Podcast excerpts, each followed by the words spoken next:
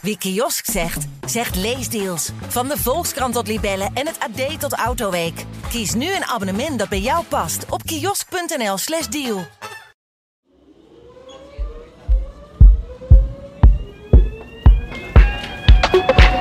De Amsterdamse grachtengordel is iconisch voor de stad. We wonen op het water, varen er massaal overheen en winters gaan we zelfs schaatsend van de ene naar de andere gracht.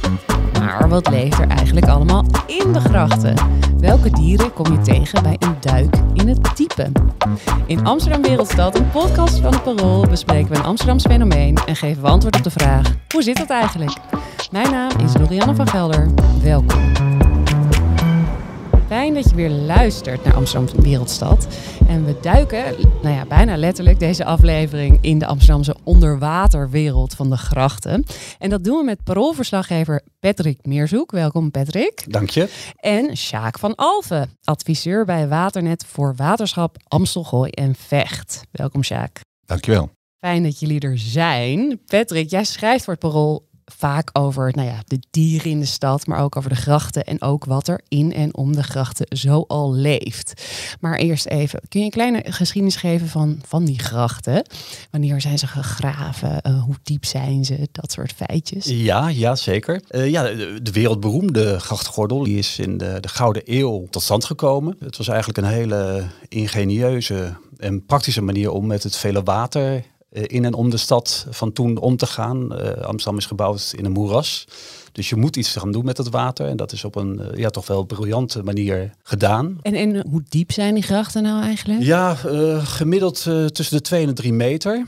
waterpeil, hè, dus dat is best veel. En we hebben in totaal ongeveer 100 kilometer gracht in Amsterdam. Dus dat is bij elkaar een enorme bak water. Ja, dus genoeg ruimte voor um, nou ja, heel veel uh, eventuele dieren die erin leven. Ja, daar komen ja. we zo op.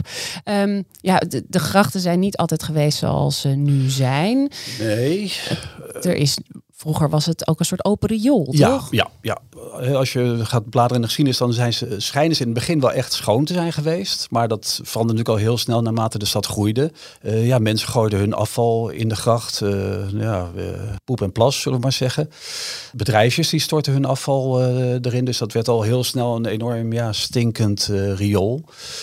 Uh, Amsterdam werd toen uh, de Joffer met de, de vieze adem uh, genoemd oh, ja. door geschiedschrijvers. Al heel vroeg in die periode. Ja. Dus en ook buitenlandse bezoekers die ja, doken weg als ze in de buurt van de gracht kwamen. Het was echt uh, niet, niet prettig. Dat is nu wel even anders. Als je nu nog wel een wuftje af en toe uh, ja, ruikt. Ja, dan was dat ja, gewoon... Ja, en, en, en woonboten loosden daar eigenlijk tot niet zo heel lang geleden... ook gewoon nog al hun poep en plas in. Ja, pas in 1970 is begonnen met de aansluiting op de riolering van de huizen in de grachtengordel. En tot die tijd was het allemaal een gore bende. We hadden eh, laatst nog, ook nog een artikel dat echt allerlaatste huizen werden aangesloten ineens. Die Ja. waren over het hoofd gezien. Ja, Ja, dat is nog in ieder geval nog te lezen op parool.nl.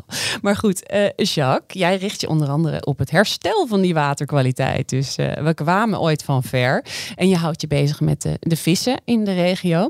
Eh, ja, hoe li- liggen de grachten er nu bij qua waterkwaliteit? Nou ja, gelukkig een, stuk beter. De waterkwaliteit is echt, zeker in vergelijking met het verhaal wat, wat Patrick schetste, enorm uh, opgeknapt. En uh, ja, dus nog niet zo lang, enkele decennia geleden was het nog zo slecht hè, dat, het, dat het ook vaak bijna ja, zuurstofloos werd en moesten de grachten dagelijks worden doorgespoeld met water uit, het, uit het Markermeer.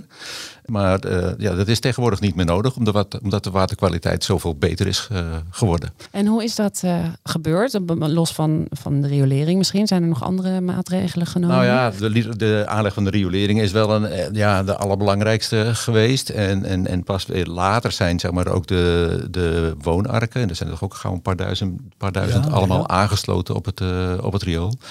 Uh, en een hele belangrijke is ook uh, de verplaatsing van de rioolwaterzuivering geweest. Hè, door het waterschap. Die, er was een, een die voorheen loosde ten zuiden van de stadsgrachten. Dus al dat ja, min of meer gezuiverde rioolwater, dat moest nog door de grachten. Maar ja, die, die lozing is nu ook weg. En hoe schoon is het water nu? In de grachten bedoel je? Ja, nou ja, zeker uh, fysisch chemisch, zoals we dat noemen, is het eigenlijk best wel uh, schoon. Wordt ook flink in gezwommen ja, hier en ja, daar. zeker. Ja, ik moest er nog aan denken dat, ik weet niet meer, meer precies wanneer het was, maar de oud-directeur van Waternet, Roelof Kruijsen, die, die, die hield een keer een toespraak en, en toen vertelde hij van ja, nou ja, mijn ambitie is dat er uh, ooit gezwommen kan worden in de grachten. En, en, toen dacht ik zelf, als ik heel eerlijk ben, denk, ja, ja oké, dat is wel heel erg ambitieus. Dat gaan we niet meer meemaken. Maar ja, het gebeurt. Ja, het is inderdaad zo schoon geworden dat je veilig kunt zwemmen in de grachten. Dus dat is uh, een hele verbetering. En waarom is het belangrijk om, uh, om, om te weten wat er leeft? Want, want, je, want je bestudeert dus ook wat voor dieren er allemaal leven in de gracht. Waarom um, is dat relevant?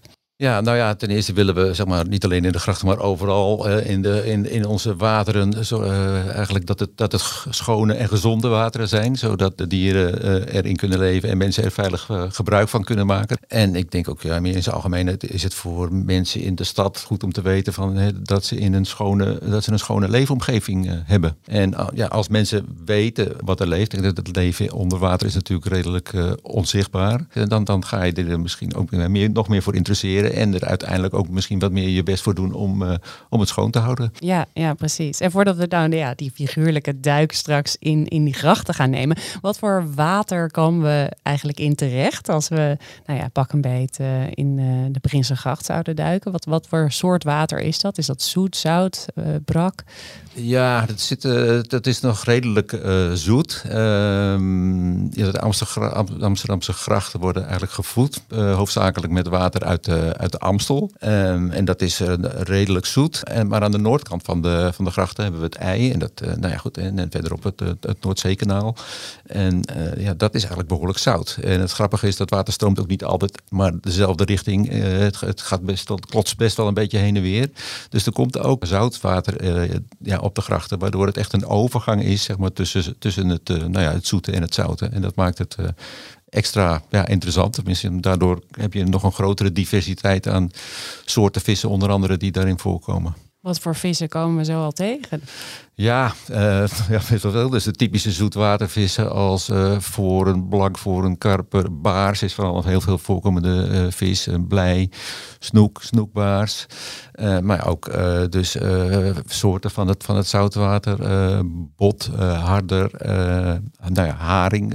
haring? Ook. Ja, haring ook, ja. Dus je kan gewoon aan de gracht een haringje halen, maar er, er zwemmen ook onder je nog Ja, ja precies. Ja, vooral als in het wat zoutere gedeelte. En zeker in het Noordzeekanaal is het een echt een heel algemeen algemeen voorkomende vis. Kun je die dan nog eten of is, is, is daar het water dan weer niet schoon genoeg voor? Ja, ik weet niet eerlijk gezegd of ze ook... Uh, zijn ze mals, moet je dan vragen. Ja, zijn ze mals en zijn, hebben ze voldoende vet. vet. Zijn lekker vet. ik, ik, ik weet vooral van jonge haring dat, en, en die vangen we en eten we niet. Dus dat, de haring bij het haringkraampje komt toch nog vooral uit, uh, uit de Noordzee. Ja, of wat verder weg. Ja. Ja. Nou ja. En als we die duik nemen, moeten we nog bang zijn dat we worden gebeten door een vis?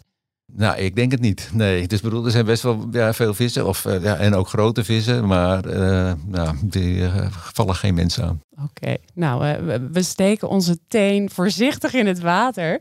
dan komen we eerst aan het wateroppervlak. Welke, welke dieren komen dan eerst eens tegen, Patrick? Ja, een hele vertrouwde gast in de gracht is de meerkoet natuurlijk. Uh, een maand geleden is de Vogelatlas van Amsterdam uh, gepresenteerd. Een prachtig boek met alle vogelsoorten in uh, de stad. En ja, de meerkoet stond daar toch wel met stip op één. Hij doet het fantastisch goed in Amsterdam. Um, interessant is ook dat hij eigenlijk overal voorkomt. Terwijl veel soorten hebben hun favoriete stekken in de stad. Maar de meerkoet is overal te vinden. Alleen op Schiphol, geloof ik, hebben ze hem niet kunnen tellen. Maar verder zo'n beetje in alle uithoeken van de stad. En natuurlijk ook heel erg in uh, het grachtengebied. Hè, want daar uh, nou, zie je hem uh, heel veel. Ja. Um, in, in, die atlas wordt hij omschreven als luidruchtig en levendig. En dat is wel, dat geldt niet alleen voor alle Amsterdammers, maar ook voor de meerkoet is dat wel een hele accurate omschrijving. als je de tijd even neemt om op een bankje te gaan zitten en te kijken in de gracht, dan zie je ook hoe die altijd druk keffend eigenlijk uh, rondjes zwemt, op zoek naar eten, op zoek naar materiaal om zijn nest mee te bouwen. Hij is uh, voor niets en voor niemand bang. ik bedoel, hij uh, valt uh, futen en eenden aan, maar ook rondvaartboten die uh, zwemt oh, ja? hij rustig tegemoet. hij verdedigt echt wel zijn, zijn territorium. Echt een Amsterdamse vogel. Ja, brutaal. En dat maakt hem ook heel erg leuk, vind ik. Best een mooi beestje ook, met zo'n wit bekje. Ja, ja, ja, ja, zeker. zeker. Ja. waarom kan... gedijt hij zo goed in de stad dan? ja, vroeger werd er gejaagd op de Meerkoet, maar dat is een jaar of twintig geleden verboden. En uh, hij profiteert daar natuurlijk van, maar met name in Amsterdam doet hij het heel erg goed. En dat heeft te maken met uh, ja, de beschikbaarheid van voedsel, goede plek om nesten te bouwen. Uh, de nesten van een meerkoet zijn een kunstwerk op zich. Dat zijn een soort drijvende eilanden. Soms nog net een beetje tegen een bruggenhoofd aangemaakt, maar vaak ook gewoon losdrijvend. En um, ja, hij, hij gebruikt daar alles voor wat hij aan materiaal kan vinden om zich heen. Oh ja, wat dan?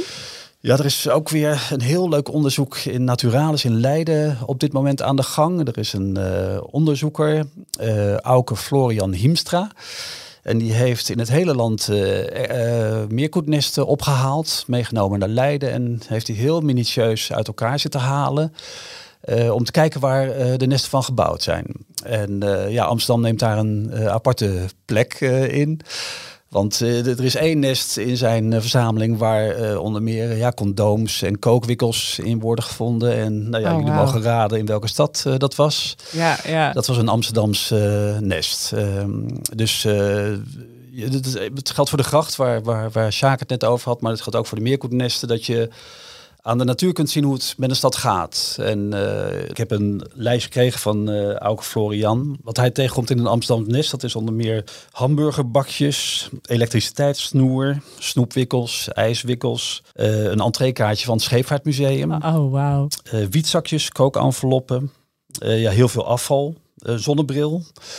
Dus uh, ja, en, en, natuurlijk ook uh, takjes, hè, dat, dat is uh, de basis. En, en, hij had ook een nest, en dat was aan elkaar gemaakt met afzetlint. Wat je ook langs de grachten ziet. Ook heel was in het water gewaaid en een hele handige meerkoet had dat gebruikt om het nest bij elkaar te houden. Wauw, het zijn bijna een soort, soort mensen of zo. Ja, ja, ja. ja. en echt totaal aangepast aan hun omgeving. Ja, en dus iedere stad heeft zijn eigen meerkoetennest. Dat vond ik ook heel erg leuk om ontdekken. Ja, geestig. Nou ja, dan gaan we nu een duik nemen in dat water.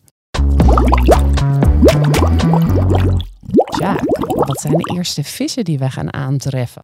Ja, ik heb er denk ik net al een paar genoemd. Uh, we gaan zeker de baars uh, tegenkomen. Ik denk de, me de meest voorkomende vis in Amsterdam. En denk ook een hele bekende vis. Uh, want Amsterdam heeft best wel een lange geschiedenis met baars. En vroeger waren er uh, zelfs uh, hengelclubs die speciaal wedstrijden organiseerden. gericht op het, op het vangen van baars. De baarsjes? En, de, ja. ja. precies. Hè, de wijk De Baarsjes is denk ik ook naar die vis genoemd. En, ah, ja. En nou, mijn opa komt uit Amsterdam en die heet de Baars van achter. Nou ja, dus ik noem de Baars maar als eerste. En wat kom je verder tegen? Ik begrijp ook dat je palingen tegenkomt. Ja, zeker. ook verrassend. Je noemde al de haring, maar ook dus de paling. Ja, zeker. Ja, ja. Waar, waar treffen we die? Uh, nou, ik denk dat je overal in de grachten wel kans hebt om de paling aan te treffen. Maar het kan natuurlijk ook zo zijn, en dat zal heel vaak het geval zijn, dat de paling op doortrek uh, is. En dan komt hij van ver, geloof ik. Hè? Ja, de want uiteindelijk, de, de, waar de volwassen palingen uh, zich voortplanten, dat is in de Sargassozee. Dus dat is aan de andere kant van de oceaan. Dat is Caribisch gebied, hoor. ja, in de, in de, buurt van het Caribisch gebied. En uiteindelijk gaan die larven met de zeestromen mee langs de kust van Amerika en, en Europa. En komen ze dus ook voor de, voor de Nederlandse kust terecht. En, en, zijn het, en dat kan wel een reis zijn van, van twee jaar voordat, voordat ze hier zijn. ja. Dus de palingen die je hier treft, die, hebben, die zijn al wereldreizigers. Dus, ja, dus al wereldreizigers, ja, die hebben dus al uh, duizenden kilometers afgelegd. En dan zijn het eigenlijk nog steeds hele kleine visjes, 8, 10 centimeter lang, eh, doorzichtig. En dan noemen we het ook glasaaltjes. Dus zo komt de paling binnen. En, en nou, in dit geval dus via uh, IJmuiden, uh, het Noordzeekanaal op. En ja, die trekken dan echt tegen de stroom in, zeg maar, nou ja, op zoek naar het zoete water, waar ze dan opgroeien, om het maar zo te zeggen. Weten we waarom ze zo'n waanzinnige reis maken? Nee, ja, dat is een, goed, een leuke vraag. Maar ja, dat is natuurlijk eh, eh, ja, in, de, ja, in de duizenden jaren evolutie uiteindelijk zo, zo ontstaan. Hè? Dus dat die paling zich daar voortplant. Tot nu toe is dat altijd nog, uh, hebben ze zich beter te handhaven. maar het, gaat wel slecht met de paling. Door overbevissing is het. nou ja, bevissing is één ding, maar verontreiniging speelt een rol helemaal in de gebieden waar die opgroeit. Uh, maar wat ook belangrijk is, hè, ik wil zeggen, het is een trekvis. Hij moet dus uh, die de reis maken. Uh, nou ja, als jong visje eerst helemaal naar binnen. Dan komt hij al barrières tegen. Want nou ja, nou, vanuit het Noordzeekanaal kun je nog zonder barrières de grachten door en de Amstel opzwemmen. Maar nou ja, bijvoorbeeld daar staat dan een poldergemaal. Dat slaat zoet water uit op de, op de Amstel. Voor, voor zo'n paling is dat gewoon, hey, er is gewoon een, een zijstroompje van zoet water. Hè, en, en die proeft en ruikt op nou, dat is een mooi leefgebied, daar wil ik naartoe. Maar ja, hij, hij kan niet zomaar tegen de stroom in door een gemaal heen, heen zwemmen. En als palingen eenmaal in, toch in, een, in zo'n gebied uh, gekomen zijn, door, ja, dan moeten ze natuurlijk ook weer uh, terug, terug en langs die barrières. Kunnen jullie ze dan niet helpen? Dat, ja, dat kunnen we. Um, de Vinkervezenplassen dan als voorbeeld. Daar uh, is, in ieder geval nu uh, het plan om een aparte vispassage langs het gemaal uh, te maken. Zodat die palingen makkelijker langs het gemaal kunnen in plaats van er doorheen. Want als er doorheen, die volwassen palingen er doorheen zouden gaan, ja, dan lopen ze wel een heel groot risico dat ze dat niet overleven. Dan worden ze vermalen. Ja, klopt. Ja, oh, ja. ja. Maar wat wij eigenlijk al jaren doen is met, met hulp van beroepsvissers die palingen daar met fuiken vangen in de trekperiode. En dan, ja, we noemen het dan achter de dijk uh, weer, weer loslaten, zodat ze verder naar, uh, nou ja, de oceaan op kunnen zwemmen. Worden de vissen in, in de gracht eigenlijk gegeten door vissers? Of, dat mag eigenlijk niet, hè? Ik denk niet dat het verboden is. Uh, sportvissers, zal ik maar zeggen, die hebben ook al vanwege de bedreigde toestand van de paling afgesproken dat ze niet op paling vissen. Dus paling uit de grachten, zal ik zo zeggen, wordt niet gegeten.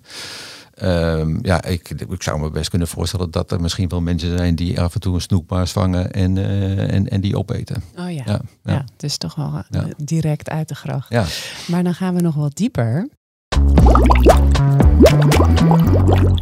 En Patrick, dan komen we ineens een exo tegen. Ja, de ja, rivierkreeft. Ja. Het vrolijke deel van deze podcast is nu voorbij. Oh. Want we gaan het over de Amerikaanse rivierkreeft uh, hebben. En dat is nooit goed nieuws. Nee, dat is uh, ook een relatief nieuwe soort in uh, de stad. Sinds wanneer is die hier? Ja, uh, er zijn waarnemingen gedaan in de jaren 70, 80, maar dat waren echt hele zeldzame. En eigenlijk de laatste 10 jaar, 15 jaar, is die aan een enorme opmars bezig, in, ook weer in het hele land. Uh, maar in Amsterdam hebben we vooral te maken met uh, de, Amerikaanse, de rode Amerikaanse rivierkreeft. En dat is nou juist een soort die voor veel uh, problemen zorgt. Hoe, kun je hem beschrijven? Ik heb er nog nooit eentje ja, gezien eigenlijk. Het is een prachtig dier. Ik bedoel, een kleine kreeft. Dus hij is ongeveer zo groot als je hoofd. als je hoofd, als je hand, sorry.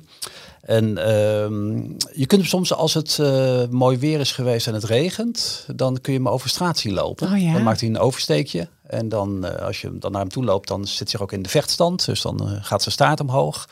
Kijkt hij je dreigend aan. Um, en dan gaat hij weer verder naar het volgende plekje. Hij zoekt dus altijd nieuwe leefgebieden op. en dat doet hij eigenlijk met enorm veel succes. Ja. Um, ja, het, is een dier, hij is ooit naar Nederland gehaald als aquariumdier. Uh, door mensen die het niet leuk meer vonden uitgezet. En dat, ja, zo ontwikkelt zich dat dan vaak met die uh, invasieve exoten, zoals dat heet.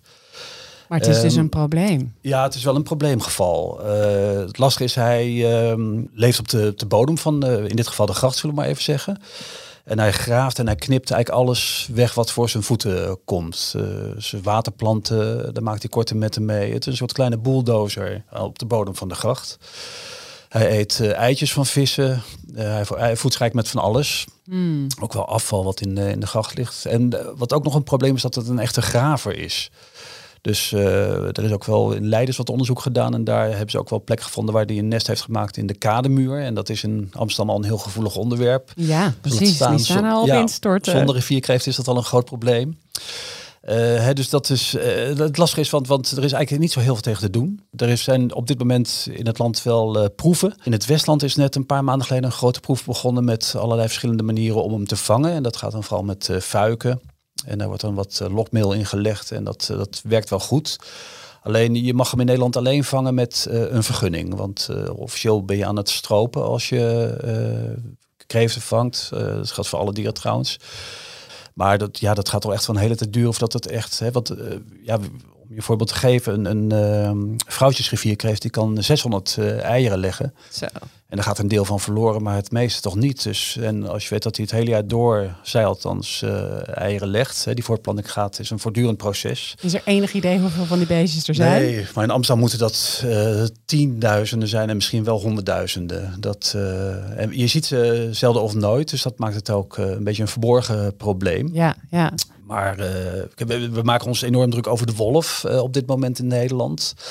Maar het echt gevaar zit onder water uh, met de rivierkreeft. Dat, dat is, uh, die is veel schadelijker dan de wolf. Is er bij Waternet ook altijd een siddering als het over de rivierkreeft gaat? Zeker, zeker. Ja, want het is inderdaad niet alleen een probleem in Amsterdam, maar in, uh, nou ja, in heel veel wateren zijn we ook bezig met plannen om uh, te kijken van of we zeg maar, niet ja, predatoren weer meer ja. terug kunnen krijgen. Nou, snoek eet paling, uh, paling snoek eet uh, rivierkreeft, onder andere ook. Ja. maar ook die paling, hè, dus die eet ook rivierkreeft.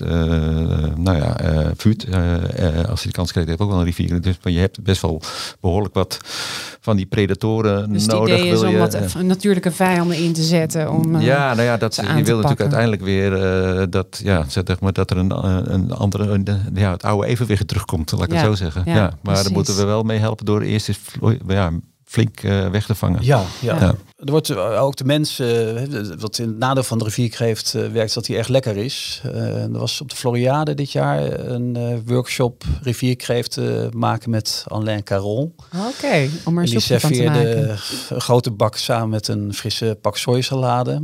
En ja, dat, dat was een groot succes onder de eters. Dus, dus ik bedoel, het mag nog niet, want je mag geloof ik officieel twee rivierkreeften eten, uh, vangen voor eigen consumptie. Dat is ook wat weinig, maar uh, daar, daar valt nog wel wat te halen. He, dat, uh, als de mens zeg maar, en de, de paling en de meeuw de handen ineens slaan, dan, dan kunnen we misschien partij bieden. Nou ja, de rivierkreeft richt dus veel schade aan. Maar hoe gaat de Amsterdammer zelf eigenlijk met de grachten om? Ja, ik, uh, nou ja, ik, goed, ik denk wel beter dan vroeger. Hè. We, Patrick schetste het ook al van, de, vroeger was het echt een dumpplaats en werd ook echt alles uh, van, en nog wat in de grachten uh, gegooid. ja, nou goed, ik, ik denk dat het verschillend is. Ik denk dat er nog steeds mensen zijn die nou ja, heel onverschillig zijn en, en die misschien niet bij nadenken wat ze met afval doen. of misschien ook wel gewoon ja, rommel in het water gooien. Of met maar, een oude fiets. Ja, precies. Ja, ja hè, er komen nog steeds ook, ook winkelwagens en fietsen. we hebben in Amsterdam een, een club bij Waternet. doen we dan de drijfvuilvissers. Maar ja, die vissen ook de gezonken rommel op. En ik geloof, als ik het uit mijn hoofd goed zeg, dat die per dag iets van 3.500 kilo rommel uit het water halen.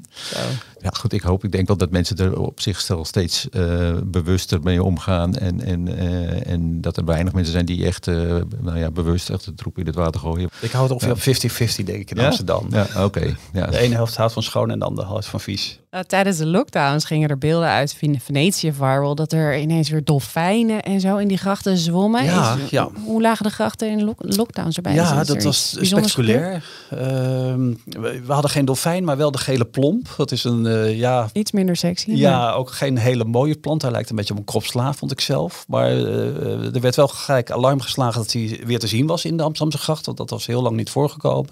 Echt in de, in de binnenstad hè, natuurlijk. Um, en, en, je kon uh, door het water uh, heen kijken. Je kon hem ook zien op, uh, op wat lager niveau. En hoe kwam dat, dat, dan? Ja, er was een vaarverbod.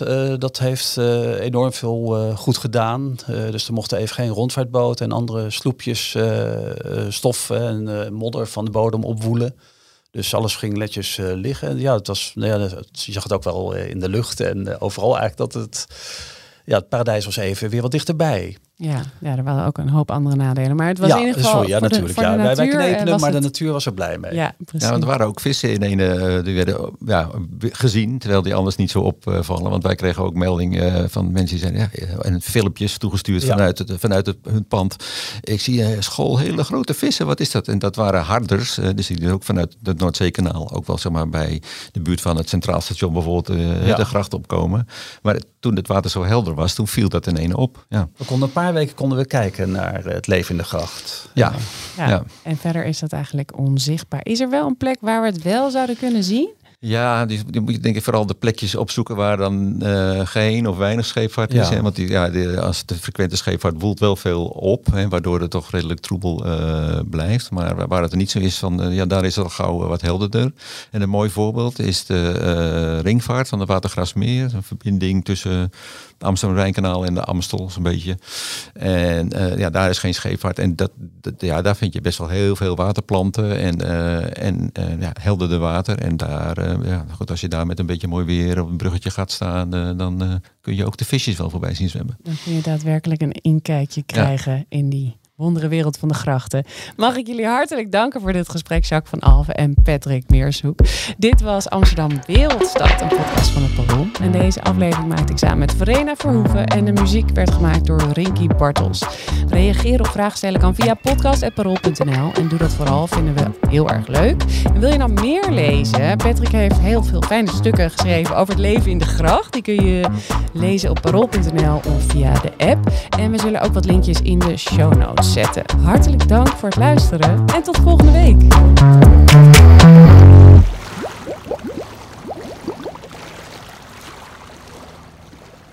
Wie kiosk zegt, zegt leesdeals. Van de Volkskrant tot Libellen en het AD tot Autoweek. Kies nu een abonnement dat bij jou past op kiosk.nl/slash deal.